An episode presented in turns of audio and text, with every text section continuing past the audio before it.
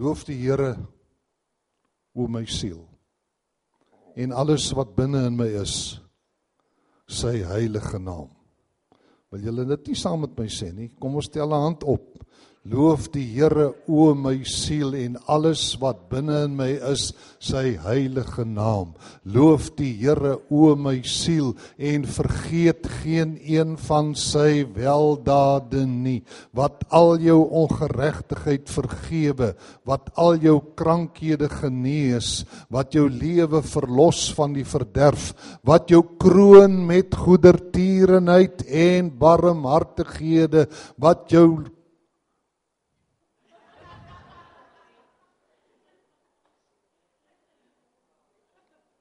Nou toe ek nou so maak, toe trek ek my aandag af.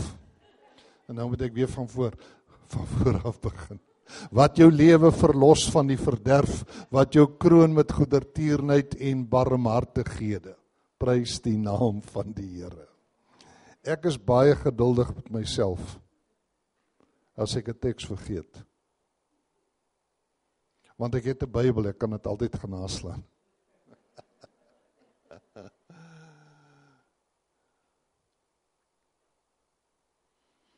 In Johannes 14 sê die Here Jesus vir sy disippels: "Laat julle hart nie ontsteld word nie."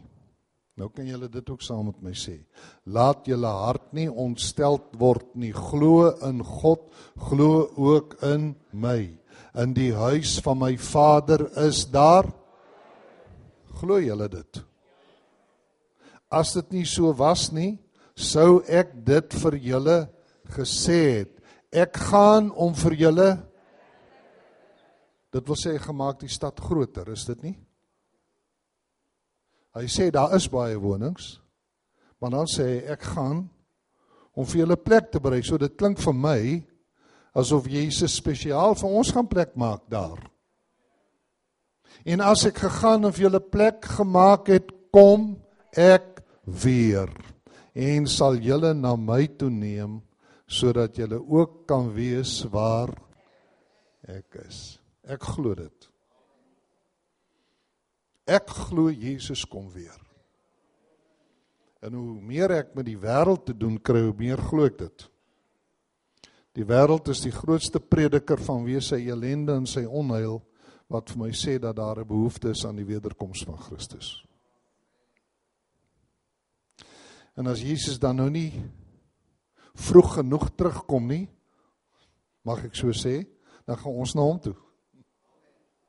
Of kom ons sê as hy nie betyds terugkom nie, dan gaan ons na hom toe. So dit maak nie saak watter kant toe die muntstuk val nie. Ons gaan hemel toe. Paulus sê dit in Filippense 1:21 want vir my is die lewe Christus en die sterwe wins.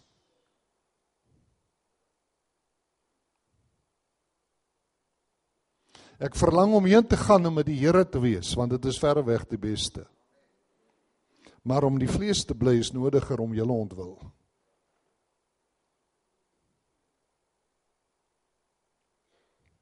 In Psalm 103 vers 19 sê Dawid: Die Here het sy troon in die hemel gevestig en sy koninkryk heers oor alles. God sit dus in die hemel op 'n troon. Ek glo dit. Glo julle dit? Glo julle dat God op 'n troon sit soos Dawid sê? God het sy troon in die hemel gevestig en sy koninkryk heers oor alles. En in die Nuwe Testament word die naam van daardie troon aan ons bekend gemaak in Hebreërs 4 vers 16 wat sê laat ons dan met vrymoedigheid na die troon van die genade gaan sodat ons barmhartigheid kan verkry en genade vind om op die regte tyd gehelp te word. Die naam van die troon waarop God die Vader sit is die troon van genade. Dit is dus 'n goeie troon. Ek sê is 'n wonderlike troon. En ons was almal al daar want ons gaan met vrymoedigheid in die naam van Jesus na die troon van die genade. Jesus het nie op hierdie oomblik sy eie troon nie. Hy sit saam met die Vader op die Vader se troon. Trouwens, hy sit aan die regterhand van God. Aan die regterkant van die troon van God, aan die regterhand van die majesteit in die hoogte. Dis waar Jesus sit. Hy sal eenmaal wanneer hy terugkom hiernatoe, voor hy kom sal hy sy eie troon van die Vader ontvang.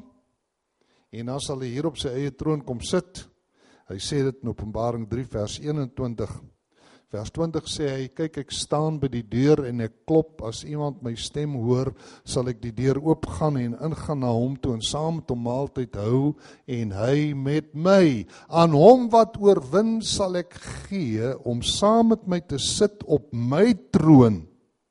Soos ek ook oorwin het en saam met die Vader op sy troon gaan sit het. So op die oomblik sit Jesus nie op sy eie troon nie, dit gaan hy eers kry by die bruilofsmaal van die lam wanneer die Vader Jesus se septer en sy krone en sy troon aan hom gaan uitdeel en waar ons almal gaan saam wees om heerlik saam te eet. Ek sê ek sien julle by die bruilofsmaal van die lam. En daar gaan ons met luidige stem die naam van die Here groot maak. En dan is dit interessant dat Openbaring 19 wat van die bruilofsmaal praat, noem dat die bruilofsmaal juis in die troonsaal van God gaan plaasvind. Dis nou 'n afleiding wat ons maak want hy sê in vers 5 van Openbaring 19 en 'n stem het uit die troon uitgegaan en gesê prys ons se God al sy diensknegte en julle wat hom vrees klein en groot. En ek het iets gehoor soos die stem van 'n groot menigte en soos die geluid van baie waters en soos die geluid van sterk donderslae wat sê haleluja want die Here God die almagtige het die koningskap aanvaar laat ons bly wees. En ons verheug en dan om die heerlik gee 'n heerlikheid gee want die bruilof van die lam het gekom en sy vrou het haar gereed gemaak. En aan haar is gegee om bekleed te wees met rein en blink fyn linne want die fyn linne is die regverdige dade van die heiliges. Vers 9 toe sê hy vir my skryf Salig is die wat genooi is na die bruilofsmaal van die lam. Ek sien jou daar. Ek dink ons gaan baie lekker saam eet en 'n bietjie hemelse druiwesap geniet. Of dalk sal dit wyn wees, hoe weet ek nou? Want in Matteus 26 vers 29 sê Jesus vir sy disippels ek sal nie weer van die vrug van die wynstok drink nie tot op daardie dag wanneer ek dit nuut saam met julle sal drink in die koninkryk van my Vader. So daar is wingerde in die hemel sien. Waarvandaan kom die wingerd kom die druiwesap dan of die vrug van die wingerdstok? As daar nie wingerde in die hemel is nie, is 'n goeie afleiding dink ek net soos daar ook in die hemel koringlande is. Want Psalm 78 vers 24 sê die Israeliete het manna geëet toe hulle uit Egipte land getrek het. Hulle het die brood van engele geëet. Hulle het die koring van die hemel geëet. Gaan lees dit Psalm 78 vers 24. Hulle het die koring van die hemel geëet. So daar is koringlande in die hemel. Ek wil dit graag gaan kyk. As jy nou hier in in Militeit Oos-Transvaal toe ry of in Mpumalanga toe ry, dan staan bordjies op wat sê Dismos Milies. Het julle dit al gesien van julle? Nou ek dink wanneer ons daar bo kom gaan ons daar 'n paar bordjies sê sien wat sê dis mos koring.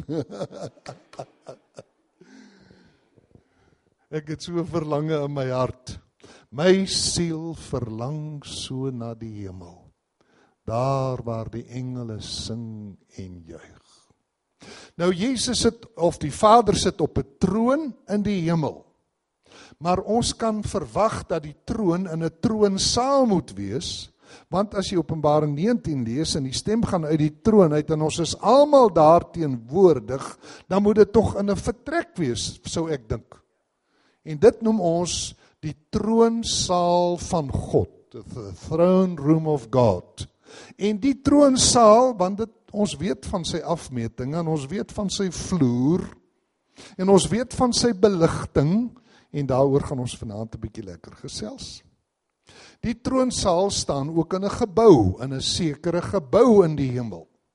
En die gebou waarin die troonsaal staan en troonsaal vorm, deel vorm en die troon van God staan, daardie gebou is die hemelse tempel. Dit lees ons onder meer in Jesaja 6 vers 1 wat sê In die sterfjaar van koning Usia het ek die Here sien sit op 'n hoë en verhewe troon terwyl sy some die tempel gevul het. So God sit op 'n troon en die some van sy kleed en nou nou gaan ek vir julle sê waarvan God se klere gemaak is, wat julle dit graag hoor. Sê wil julle graag hoor van watter soort materiaal is die klere gemaak wat God dra? Julle het dit gelees. Maar snaaks hoe 'n mens nie dinge in die skrif bymekaar uitbring as jy nie daaroor nadink nie. En dan verder lees ons die Bybel heeltemal te vinnig. Julle julle lees die Bybel, nie ek nie, julle lees die Bybel heeltemal te vinnig. Net 'n paar versies en kry klaar. Nee, mens moet stadiger lees. Sodat dit wat daar geskryf staan in jou denke eers en dan in jou gees kan val en jy dit kan begin verstaan. En daarom is dit so wonderlik wat julle hier doen in die gemeente om van versie tot versie te werk. Julle ondervind dit sekerlik dat die skrifte vir julle oopgaan.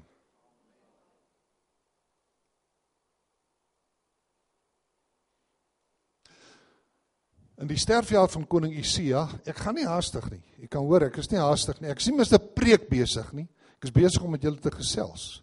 So enige een van julle kan enige tyd 'n hand opsteek of my sê, sê dit nou net weer. Het jy gehoor? Ek sê jy's uitgenooi om my in die rede te val. Jy mag dit doen. In die sterfjaar van koning Usia het ek die Here sien sit op 'n hoë en verhewe troon terwyl sy some die tempel gevul het. Dus is die troon in die tempel. Die troonsaal vorm deel van die tempel van God. Dit staan ook geskrywe in Openbaring 7 vanaf vers 13 Toe het een van die ouderlinge gespreek en vir my gesê, hulle wat uit die hulle wat bekleed is met die wit klere, want hy het 'n groot skare gesien. Wie is hulle en waarvandaan het hulle gekom? En ek sê vir hom, "Heer, U weet dit." En hy sê vir my, "Dit is hulle wat uit die groot verdrukking kom en hulle het hulle klere gewas en hulle klere wit gemaak in die bloed van die lam." Vers 15, Openbaring 7 vers 15. Daarom is hulle voor die troon van God en dien hom dag en nag in sy tempel. Dis die troon van God staan in die hemelse tempel. Dis baie interessant dat wanneer jy Openbaring 21 deurwerk, kom jy agter wanneer die Bybel daaroor die nuwe Jerusalem praat, die stad waarin ons in die hiernamaals op die nuwe aarde gaan woon, dat in daardie stad daar nie 'n tempel is nie. In die hemel is 'n tempel, maar binne in die nuwe Jerusalem geen tempel nie. Openbaring 21 vers 22 sê en 'n tempel het ek nie daarin gesien nie want die Here God die almagtige is sy tempel en die lam. Nou wat is dan nou die sin van so 'n gebou in 'n saal soos hierdie? Ons kom hier by mekaar om God in sy sigbare afwesigheid te vier en te aanbid. Die Here is hier. Ek sê die Here is hier. Maar hy's nie sigbaar hier nie. So ons kan hom nie sien nie. Ons maak hom liturgies sigbaar met musiek en met so 'n kanseltjie en met die doopsakramente met die nagmaal op daai wyse pastorinus probeer ons om God liturgies sigbaar te maak. So sommige kerke nou togas dra in kerse en wierook wat hulle brand en gekleurde vensters ensovoorts. Is alles 'n manier om 'n atmosfeer vir die teenwoordigheid of as jy wil van die teenwoordigheid van God te skep. Maar in die nuwe Jerusalem is daar nie 'n tempel nie, want God self sal daar woon. In die hiernamaals gaan God self met ons in die stad woon. staan in Openbaring 21 vers 3. Vers 1 sê en ek het 'n nuwe hemel en 'n nuwe aarde gesien want die eerste hemel en die eerste aarde het verbygegaan en die see was daar nie meer nie. En ek Johannes het die heilige stad die nuwe Jerusalem sien neerdal van God uit die hemel toe berei soos 'n bruid wat vir haar man versier is vers 3 en ek het 'n groot stem uit die hemel hoor sê kyk die tabernakel van God is by die mense en hy sal by hulle woon en hulle sal sy volk wees en God self sal by hulle wees as hulle God. So God self gaan 'n paleis hê in die nuwe Jerusalem waar ons huise gaan hê. Pragtige plekke. Ek sê paleis want Psalm 18 vers 7 sê toe Dawid gebid het, het God hom uit sy paleis gehoor. En as ons dan lus het enige tyd van die dag of die nag, want nag sal daar nie meer wees nie, en ons wil 'n bietjie aanbid, dan draai ons net in die rigting van die Vader se paleis. Of ons stap sommer af in die straat. Ek dink sy paleis gaan in die hoofstraat wees. En daar gaan nou nie papiere en goed rond lê wat ons aandag gaan aftrek nie. En dan kom ons daar en Daar staan die Almagtige in sy tuin. God hou van tuine, julle weet dit nê. Hy het in die begin het hy die tuin van Eden geplant. Jesus het in die tuin van Getsemane gebid. In die hemel is daar 'n paradys. Die woord paradys is 'n Persiese woord wat tuin beteken. Ek sê God hou van tuine. En as ons dan so afstap, dan sien ons daar staan die Allerhoogste. Ons het nie 'n kerk daar nodig, 'n kerkgebou nie. Daar's nie 'n tempel nie, daar's nie sinagoge nie. Daar's nie 'n Die evangelie sal nie verkondig word nie, want almal wat daar is is gered. Daar sal nie doopdienste geword nie, gehou word nie, want daar's nie sondaars in die hemel nie. O, oh, dis 'n plek waarna ek uitsien. sien julle nie ook uit daarna nie? Ja, wonderlik. Nou,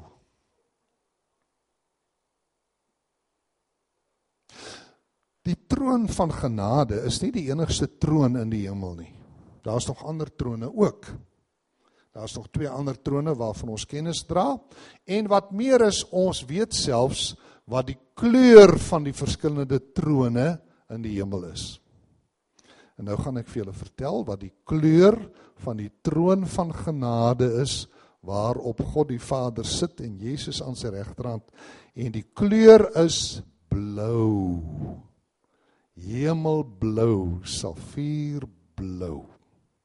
Dit word geïnsinueer deur Eksodus 24 vers 10, die wat tekste wat neerskrywe, skryf maar die versies.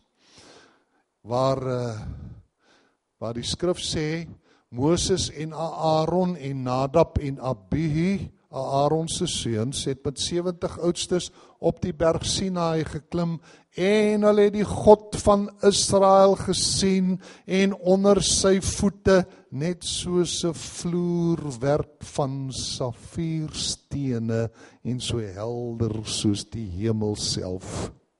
Safier is blou van kleur. So God se voete terwyl hy op die troon sit rus sy voete op 'n mosaïek van safierstene. Eksodus 24 vers 10. Maar dit word nog duideliker gesê in Esegiel 1 vers 26 wat sê en bokant die uitspansel daaroor gaan ek nou nog gesels en bokant die uitspansel wat oor hulle hoof was was iets wat soos 'n troon gelyk het Iets wat so safiersteen gelyk het in die gestalte van 'n troon. Bokant hulle hoofde, die hulle is die gerubs wat op die onderste vlak van die hemelse tempel staan.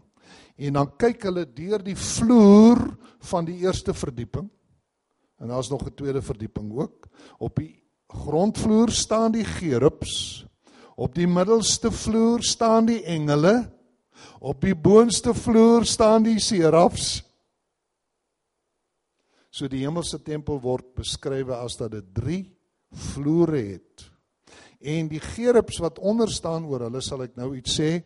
Kyk deur die vloer van die troonsaal. In die rede waarom hulle deur die vloer kan kyk is omdat dit van glas gemaak is. Van 'n hemelse kristal. En hulle kyk deur die vloer en bokant hulle hoofde was daar iets so safiersteen in die gestalte van 'n troon.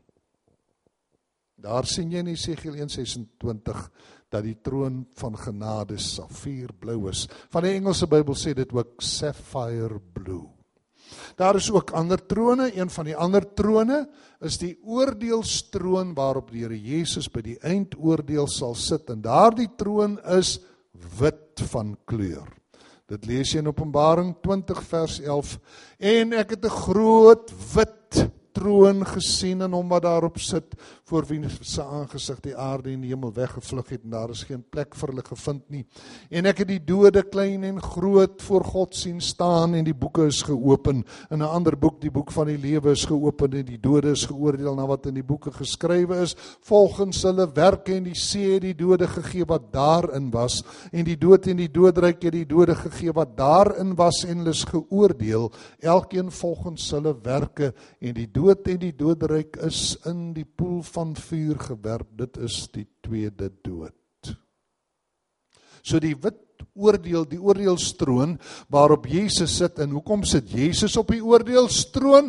Omdat God die Vader Jesus as regter aangestel het. So byvoorbeeld in Handelinge 10 vers 42, hy het ons bevel gegee sê Petrus aan die huisgesin van Kornelius. Hy het ons bevel gegee om aan die volk te verkondig met krag te betuig dat dit hy is wat deur God bestem is as regter van lewende en dode.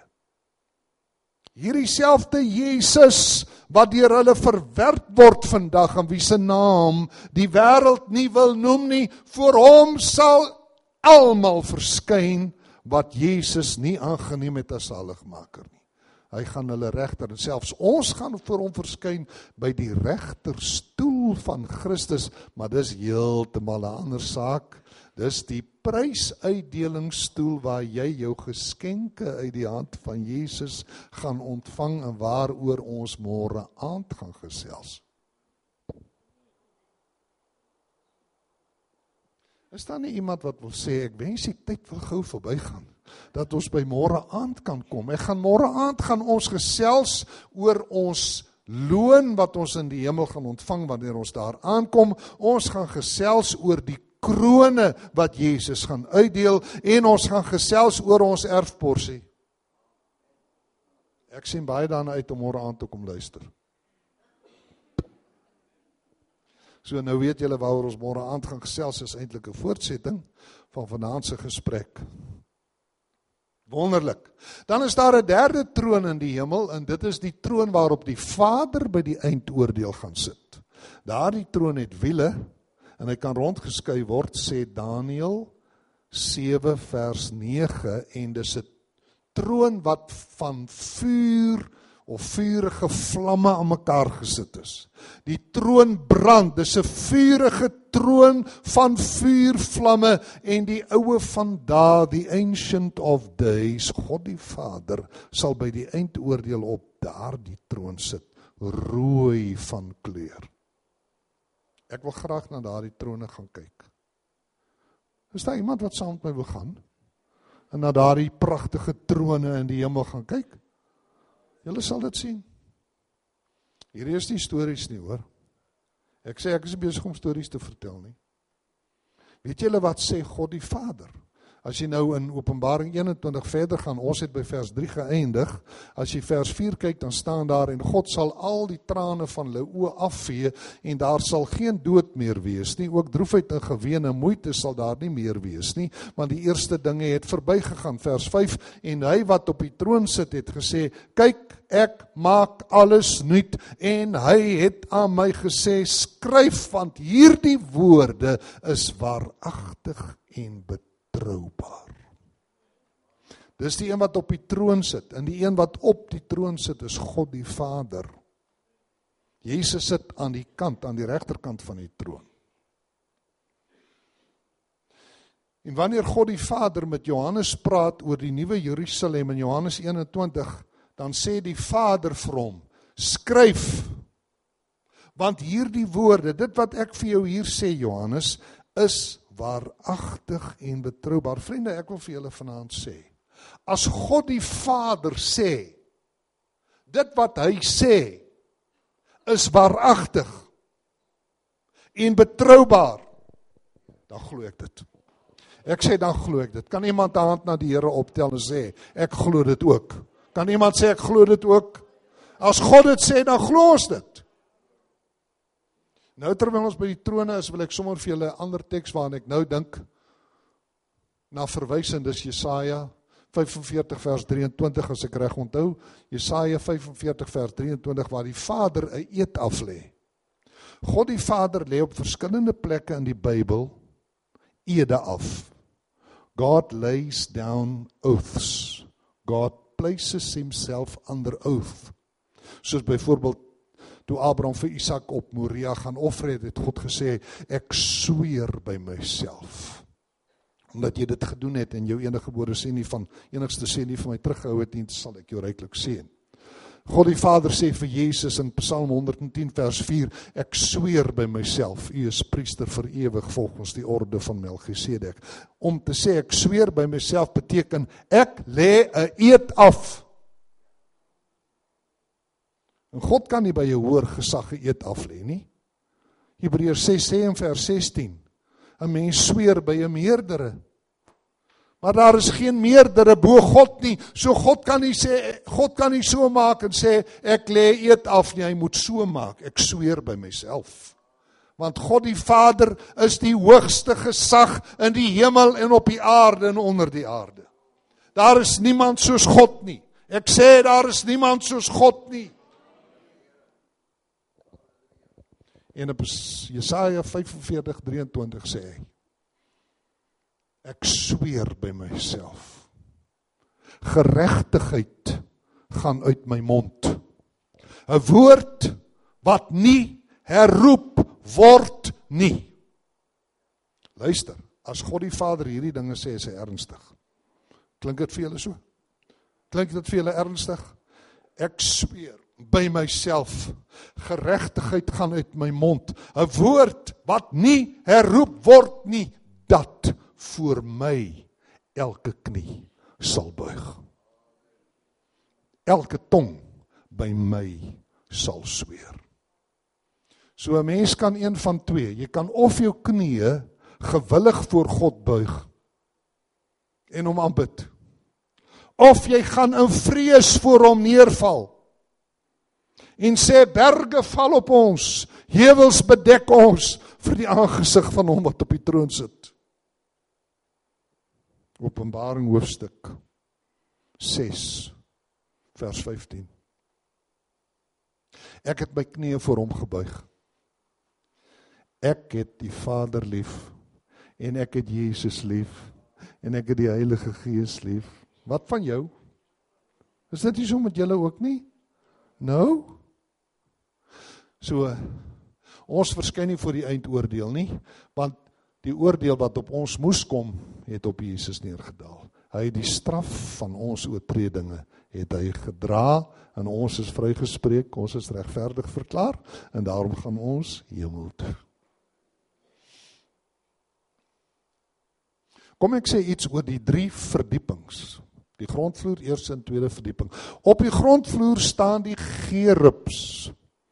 Dis snaakse hemelwesens. Hulle het elkeen 4 vlerke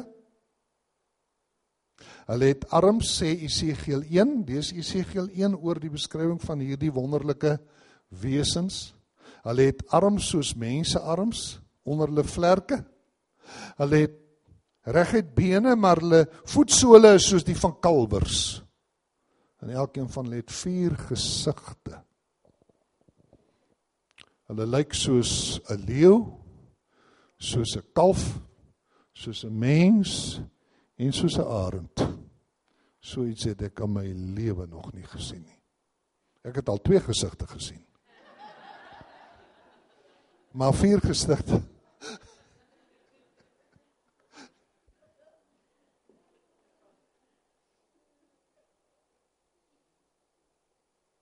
Hulle is God se beskermwesens. Hulle beskud die tempel.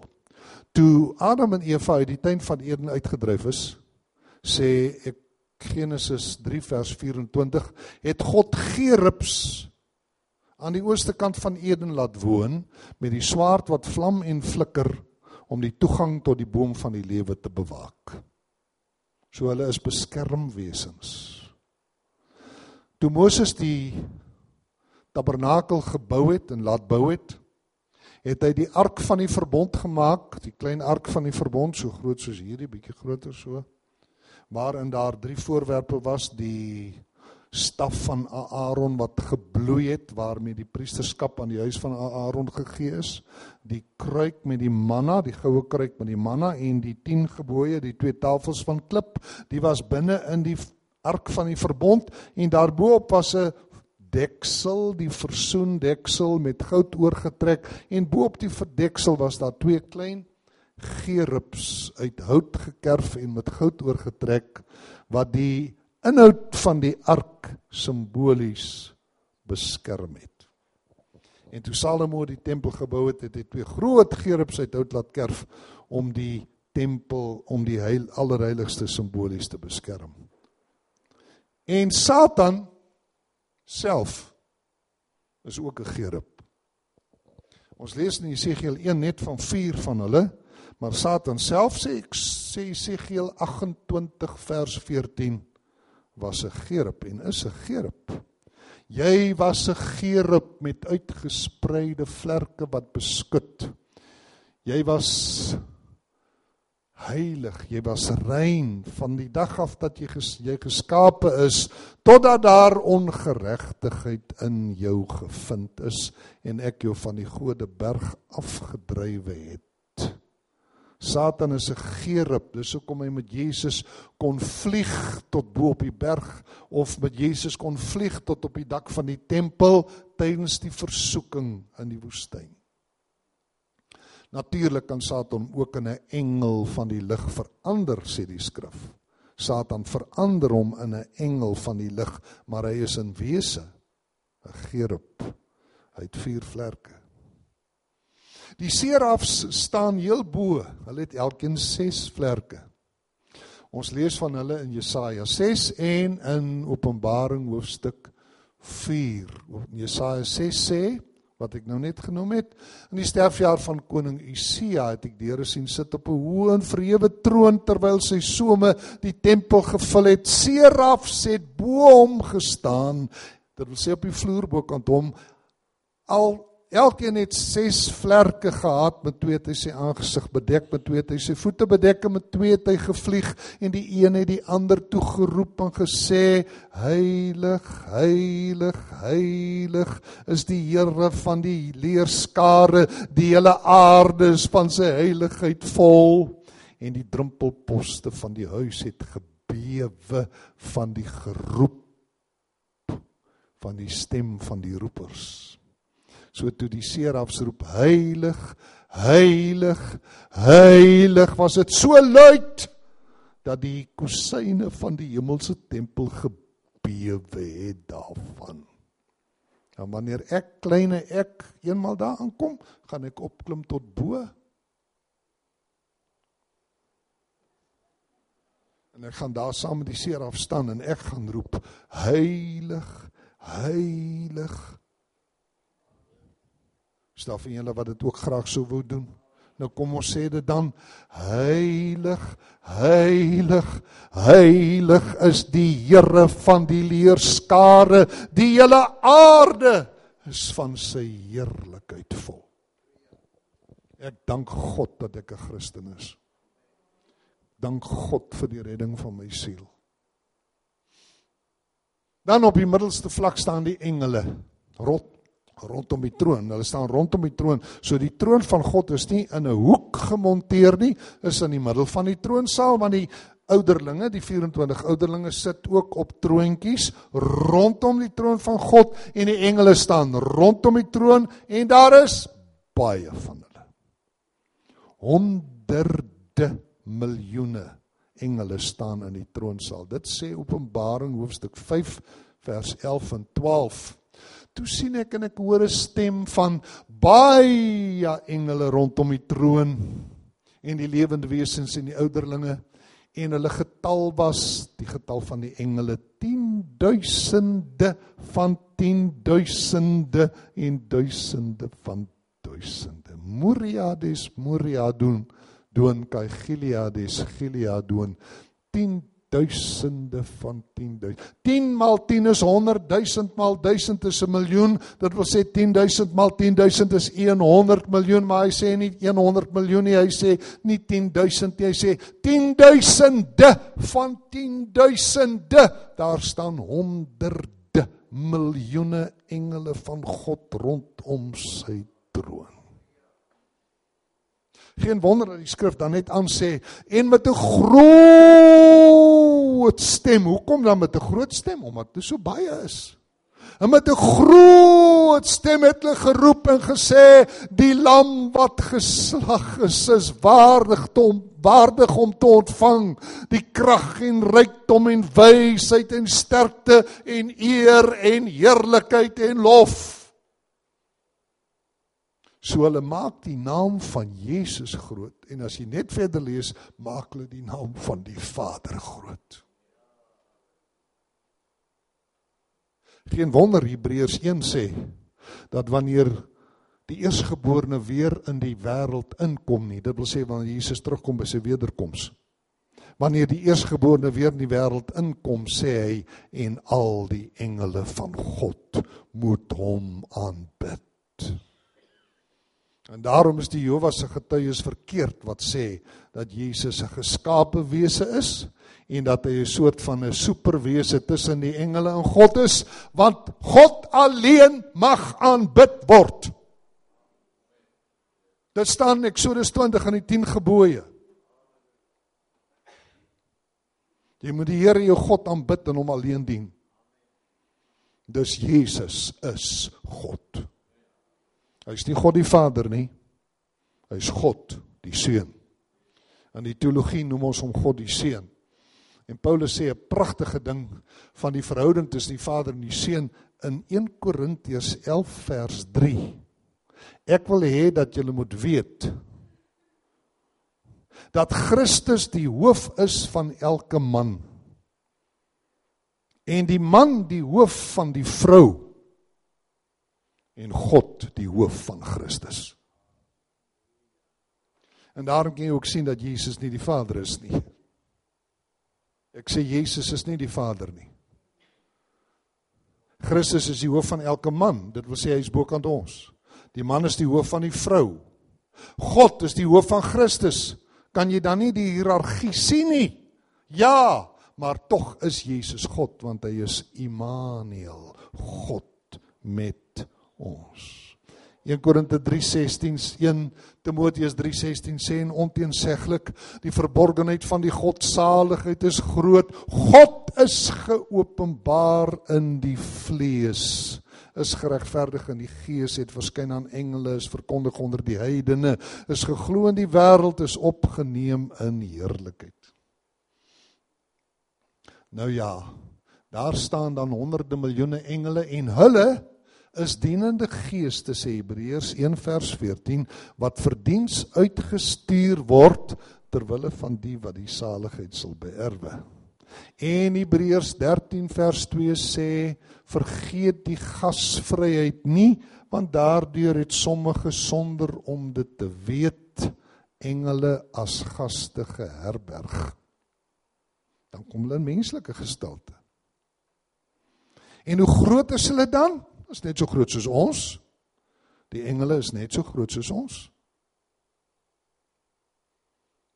Miskien is daar een of twee wat 'n bietjie groter is.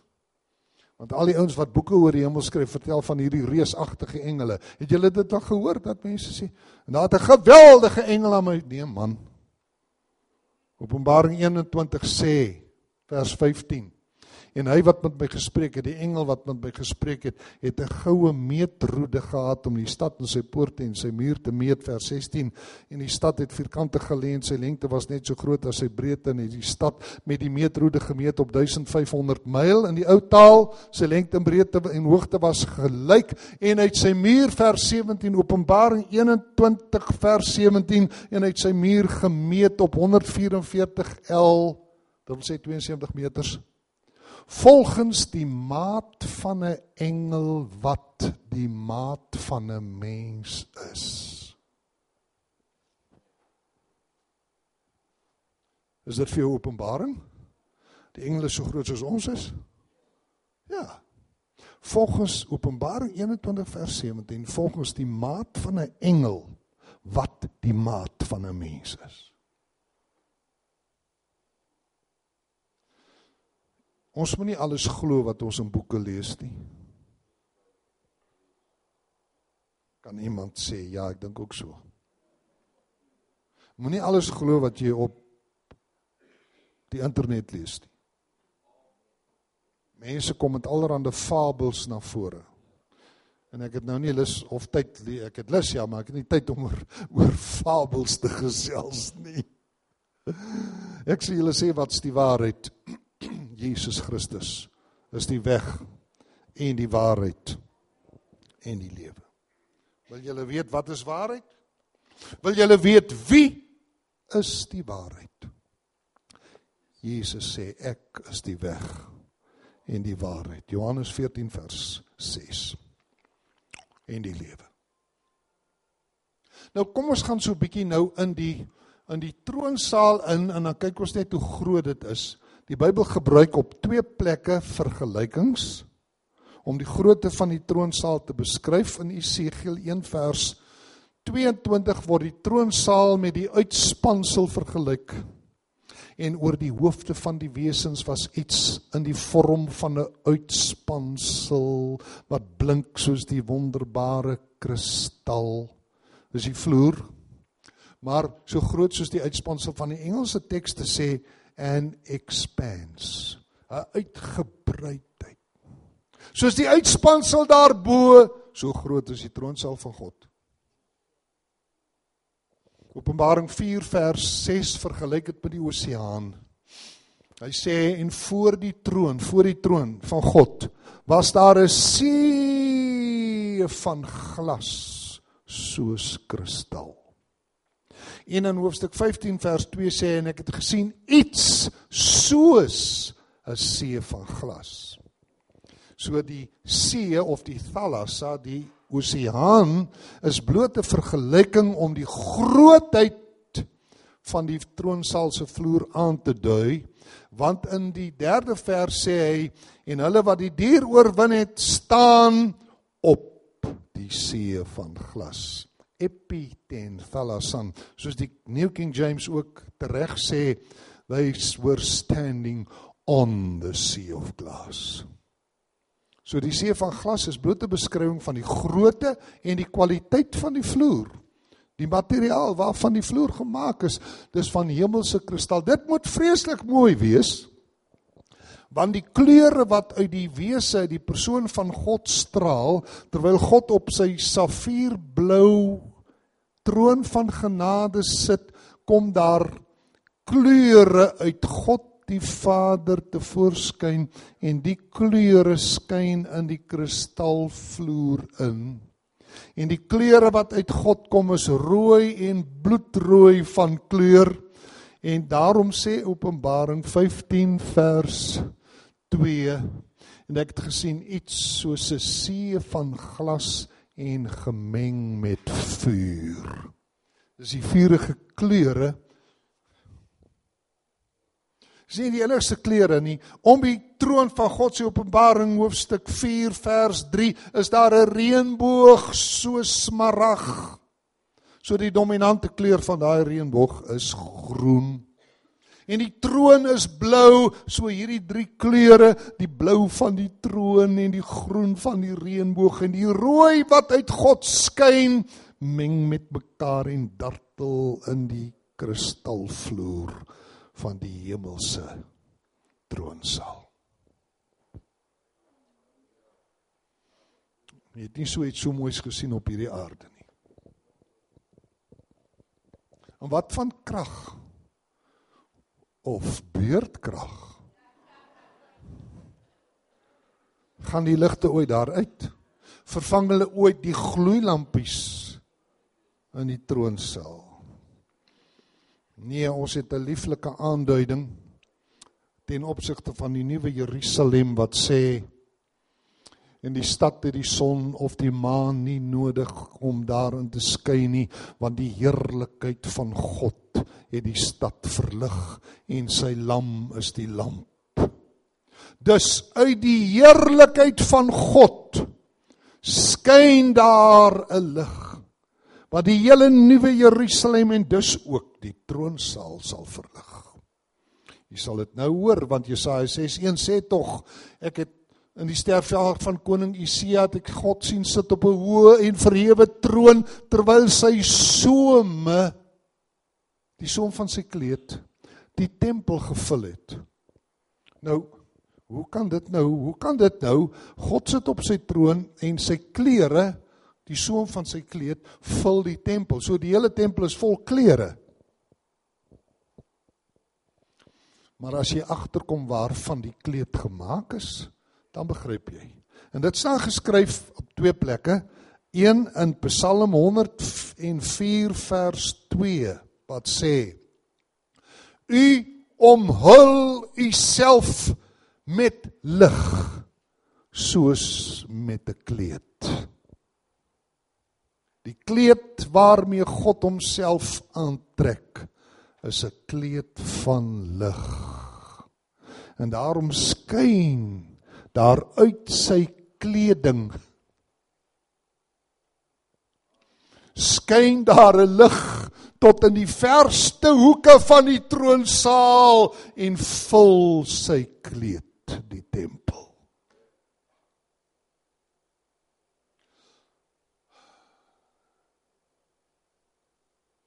Openbaring 4 vers 3 sê en hy wat op die troon sit het gelyk soos die steen jaspis en sardius, rooi en bloedrooi van kleur.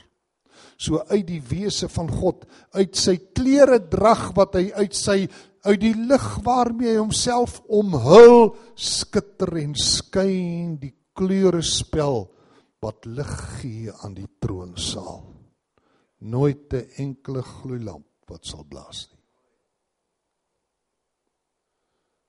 Maar daar's 'n ander teks wat dit nog meer eksplisiet stel en dit is Eksodus, dit is Esegiel 1 vers 26 en 27. En dis 'n teks wat ek wanneer ek dit aanhaal altyd met huiwering doen. Omdat dit vir ons die menslike profiel van God die Vader. As ek sê sy profiel, dan praat ek nie net van sy gesig nie, in hierdie geval sy hele liggaam aan ons bloot lê. Die Bybel sê in Johannes 4, Jesus sê in Johannes 4:24 God is gees. En die wat hom aanbid, help my nou, en die wat hom aanbid moet hom in gees en in waarheid aanbid. God is gees. En 'n gees het nie vlees en bene sê Jesus in Lukas 24 soos julle sien dat ek het nie. So 'n gees is nie 'n tasbare, het nie 'n tasbare liggaam nie. En God is gees sê Jesus. En tog is God so wonderbaar dat hy ook liggaamlik kan verskyn of kan manifesteer. Net soos Jesus die liggaamlike manifestasie van die seun van God is. Net soos die Heilige Gees by Jesus se doop liggaamlik gemanifesteer het in die vorm van 'n duif Toe is die hemel geopen en die Heilige Gees het in die Lukas sê liggaamlike vorm van 'n duif op hom neergedaal. Dit was nooit 'n duif nie. Dit was die Heilige Gees in die gedaante van 'n duif. So die Heilige Gees kan homself sigbaar maak soos daar. En ook op Pinksterdag het die Heilige Gees hom sigbaar gemaak in 'n element En toe die dag van die Pinksterfees Handelinge 2 vers 1 aangebreek het, was hulle almal eendragtig bymekaar daar kom skielik uit die hemel 'n geluid soos van 'n geweldige rukwind en dit het die hele huis gevul waar hulle gesit het. Toe is deur hulle tonge gesien soos van vuur wat hulle self verdeel en op elkeen van hulle gaan sit. En hulle is almal vervul met die Heilige Gees. Kan iemand 'n handjie optel? Hulle is almal vervul met die Heilige Gees en het begin spreek in ander tale soos die Gees aan hulle gegee het om uit te spreek. Hulle kon dus die manifestasie van die Gees in die vorm van vlamme sien. Geen wonder Paulus sê in Tessalonisense blus die Gees nie uit nie. Geen wonder Openbaring 4 sê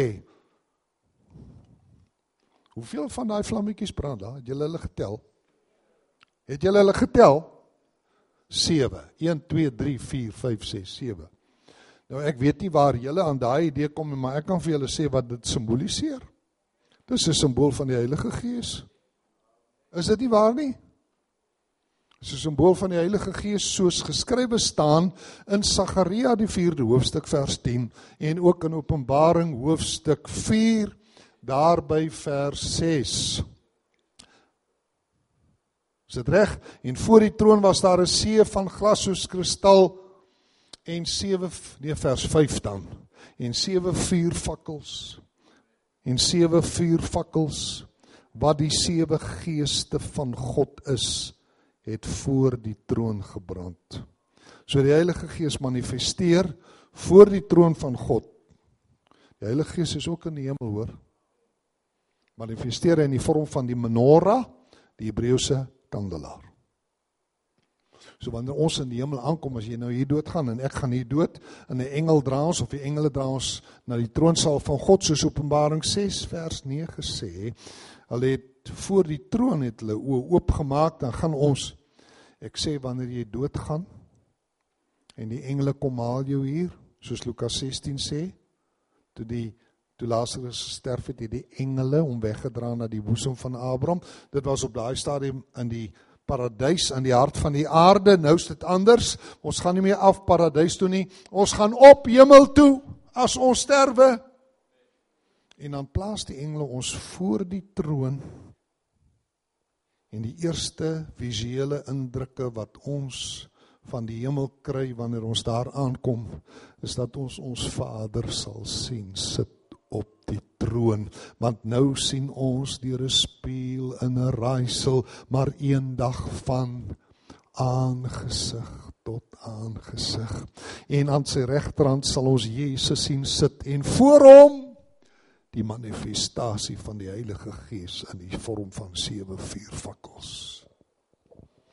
Wat die sewe oë van die lam is waarmee hy oor die hele aarde kyk.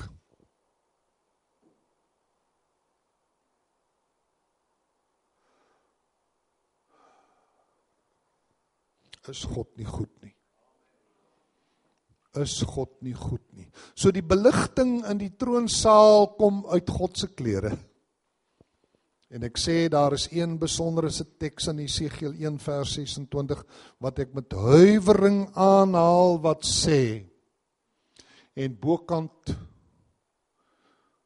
Die uitspansel wat oor hoof was was iets wat so safiersteen gelyk het in die gestalte van 'n troon.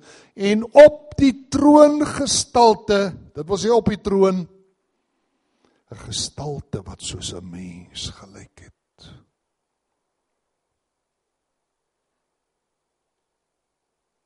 Het God nie in Eksodus 1 in Genesis 1 vers 26 het die Vader nie vir Jesus gesê laat ons mense maak na ons beeld, na ons gelykenis.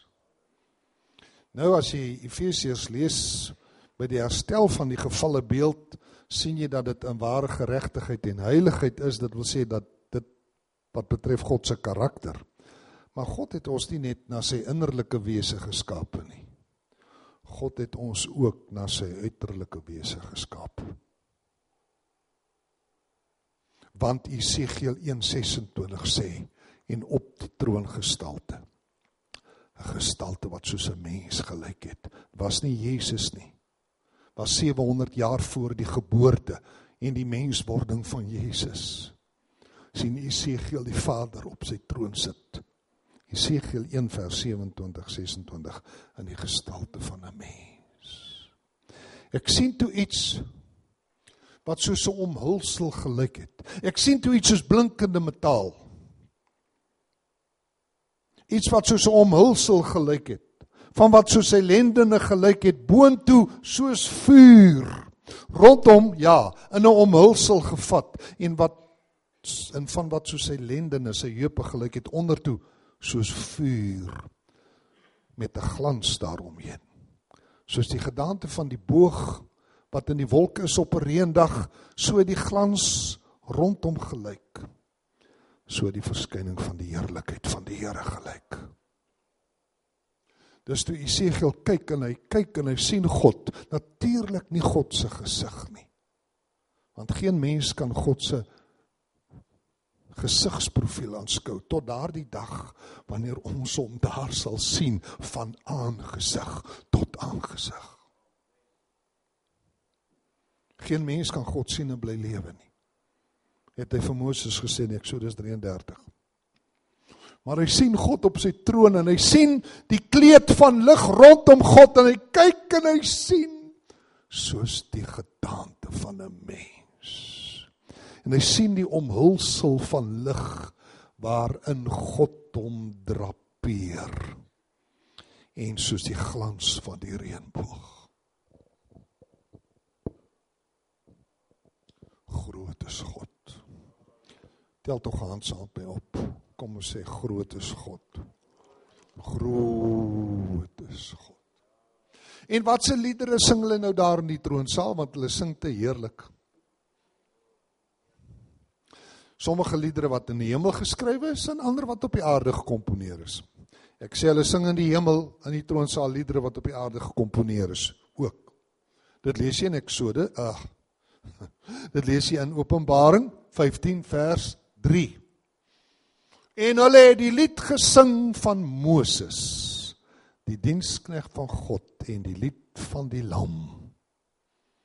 Gesê groot en wonderlik is die werke, Here God Almagtige. Moses het drie liede gekomponeer. Die eerste is die lied van die uittog uit Egipte in Eksodus 15. Die tweede is die lied van verdrukking in die woestyn, Psalm 90 en die derde is die lied van in tog in Kanaan Eksodus Ekso Deuteronomium 32 Die Here is my krag en my psalm Hy het my tot heil geword Hy is my God Ken julle dit? Wie het dit geskryf? Moses Waar? Eksodus 15 vers 12 O Here wie nee vers 3 O Here wie is soos u onder die gode. O Here wie is soos u verheerlik in heiligheid. Wie dit geskryf? Moses. Waar? Eksodus 15 vers 12 So hulle sing liedere wat op die aarde gekomponeer is in die hemel en liedere wat daar geskryf is daar. En soms in die tale wat hulle praat is dieselfde. Hulle praat soms aardse tale daarbo. Julle het dit gelees in Openbaring 6 vers 14. Die serafs, die hemelwesens het gesê: "Amen." Amen is Hebreëus, hoor. So die serafs praat Hebreëus. En partykeer praat ons hier onder hemelse tale. Sê 1 Korinte 13 vers 1 dan nie al sou ek die tale van mense en engele spreek en ek het nie die liefde nie dan ek 'n klinkende metaal of 'n luidende simbal geword. So wanneer jy glossolalie beoefen, dit wil sê wanneer jy in tale praat nadat Jesus jou gedoop het met die Heilige Gees, dan praat jy soms engele tale al sou ek die tale van mense en engele spreek. En ek het nie die liefde nie. So soms praat ons hier onder engeltale en soms praat hulle daar bo aardse tale. Op die wyse bring God die hemel en die aarde naby mekaar. En ek wil nog ietsie sê voordat ek klaar maak. Ek wonder of ek nie kans moet gee vir 'n paar vragies nie. Kan ons?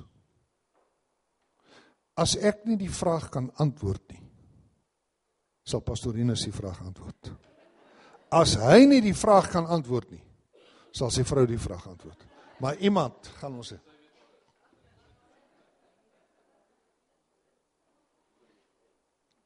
Die geur in die troonsaal word geskep deur 'n samevoeging van ons gebede met 'n hemelse wierook. So elke gebed wat jy bid word in die hemel in bakke opgevang. En dan word daar wierook, hemelse wierook ingegooi en die twee word dan gemeng met mekaar. En dan word dit op die goue altaar voor God se troon word dit gebrand. En dan styg die rook en die reuk van die rookwerk op in die neus van God. En dan gaan dit deur die al deur die hele troonsaal. Kyk so staan dit geskryf twee plekke in Openbaring 5 vers 8.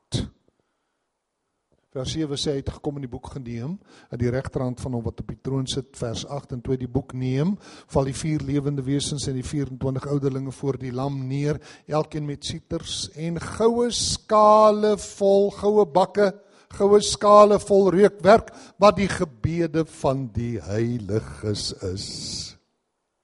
In Openbaring 8 vers 3 en 'n ander engel het gekom en met 'n goue wie rookbak by die altaar gaan staan en al die gebede van die heiliges is aan hom gegee om dit saam met die wierook op die goue altaar voor die troon te plaas. En die rook van die reukwerk het uit die hand van die engel opgestyg voor God. God kan jou gebede ruik. Jy het nou gesê haleluja, God ruik dit. Ek sê as jy sê prys die Here, dan kan God dit ruik. Glo julle dit?